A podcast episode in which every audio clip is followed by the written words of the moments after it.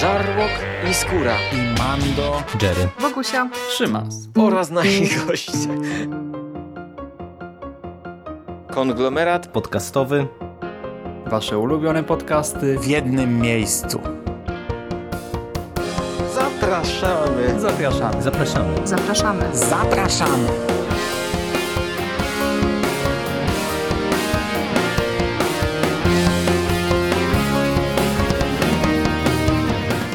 Witam w konglomeracie podcastowym, czyli na platformie, która zbiera wszystkie Wasze ulubione podcasty w jednym miejscu.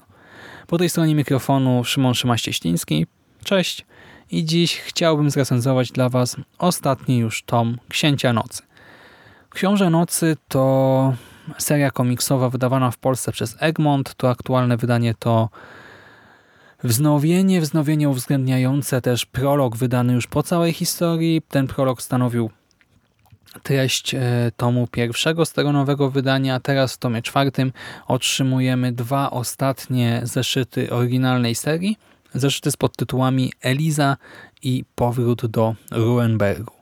Oba te tomiki, zeszyty prowadzą do wielkiego finału, czy też ten ostatni jest e, zwieńczeniem całej serii i w związku z tym troszkę różnią się od e, tych czterech e, poprzednich tomów. Tutaj nie uświadczymy retrospekcji dotyczących losów zmarłych już e, członków Roguemontów, a skupimy się na współczesności. Nie będziemy śledzili tych nieudanych starć z przeszłości, lecz poświęcimy te dwa tomy walce w teraźniejszości i temu ostatecznemu pojedynkowi Kergana i Vincenta. Vincenta Roguemonta oczywiście. Zeszyt piąty z pod tytułem Eliza pokazuje nam, że to poprzednie starcie wprawdzie nie zabiło Kergana, ale mocno go osłabiło.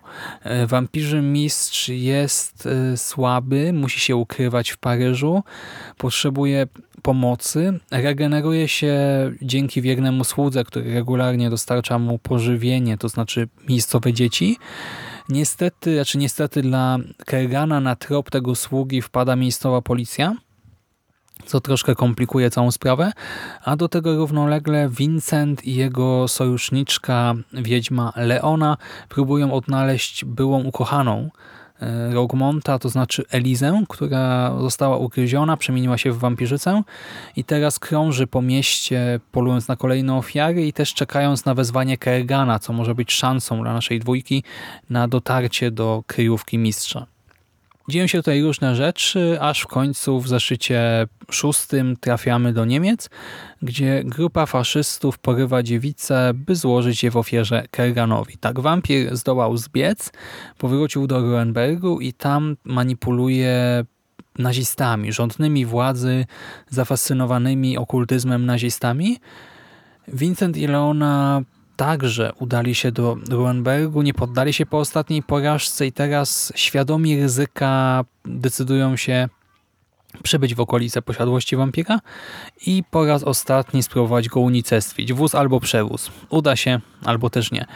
Jak słyszycie, tym razem porzucamy schematyczność, stawiamy raczej na wartką akcję. Atmosfera się zagęszcza. Bohaterowie walczą nie tylko ze sobą nawzajem, ale i z czasem. Wszystko może się tutaj zdarzyć tak naprawdę. Sytuacja się regularnie komplikuje. Teoretycznie Vincent zyskał sprzymierzeńca w postaci Leony, w postaci wiedźmy, ale my też przez pewien czas nie wiemy do końca, jak to z nią jest. Nie znamy wszystkich faktów z jej przeszłości, a do tego także Kerrigan nie gra tutaj w pojedynkę, nie działa sam. E, Ma swojego sługę, ma u swojego boku Elizę, później towarzyszą mu jeszcze naziści, a do tego on nawet osłabiony jest niezwykle niebezpieczny, więc nie można go lekceważyć. Dzieje się w tych ostatnich zeszytach naprawdę dużo, poznajemy kilka faktów z przeszłości Roguemonta, to znaczy dotyczących jego rodziców, na przykład rodziców Vincenta. Poznajemy też historię przodków Leony, dowiadujemy się po co Kerganowi ta współpraca z nazistami, z trzecią Rzeszą i do samego końca trudno przewidzieć, czym zakończy się ta historia. Tak, czy dostaniemy smutne zakończenie, e, radosne zakończenie, coś pomiędzy, taką, taki słodko-gorzki finał. I tego wam nie zdradzę, powiem tylko, że jest on finał jest e, satysfakcjonujący, całkowicie satysfakcjonujący, sprawnie multiplikuje do ostatniego momentu napięcie, domyka wszystkie wątki, a przy tym pozostawia twórcy niewielką furtkę na ewentualne kontynuowanie tej historii w przyszłości. To nie jest jakiś wielki cliffhanger czy coś takiego, co mogłoby irytować, absolutnie nie. Całkiem sprytny zabieg, więc też go doceniam.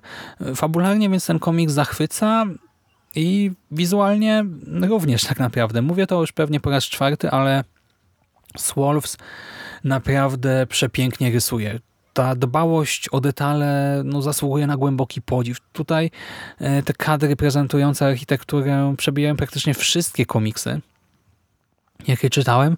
E, Są przepiękne, są naprawdę narysowane tak szczegółowo i z, taką, z takim wyczuciem, z taką świadomością, to się w głowie nie mieści. Zamek w Ruenbergu wygląda cudownie. Mamy tutaj też masę e, budowli paryskich, znanych czy też anonimowych, różnych.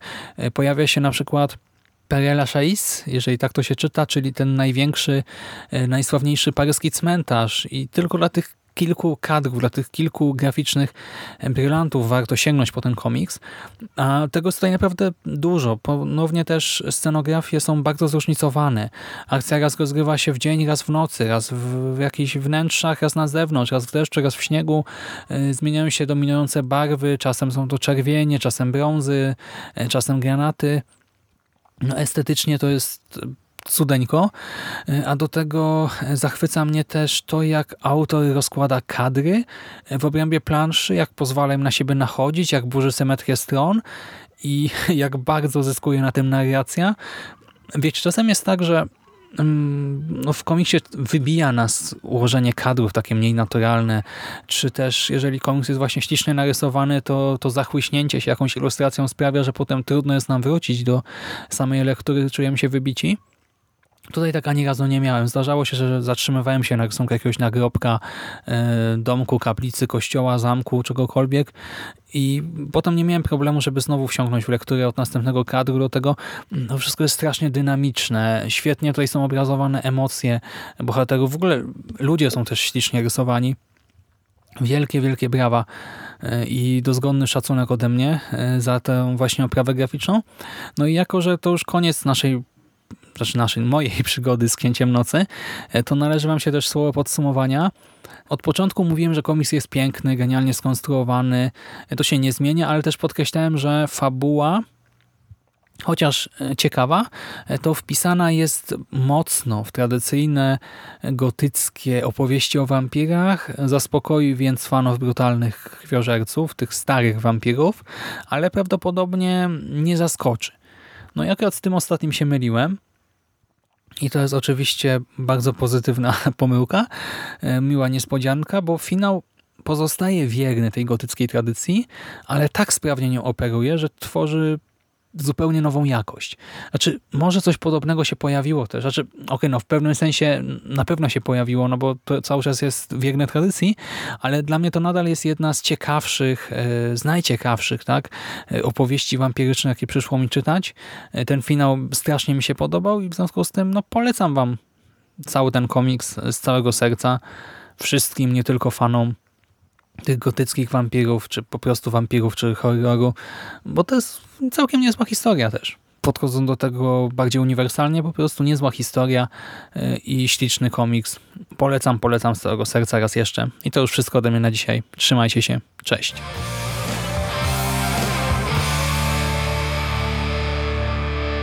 You finished? That's it, man. Game over, man. It's game over. What the fuck are we gonna do now? What are we gonna do? It's over. Nothing is over! Nothing! You just don't turn it off!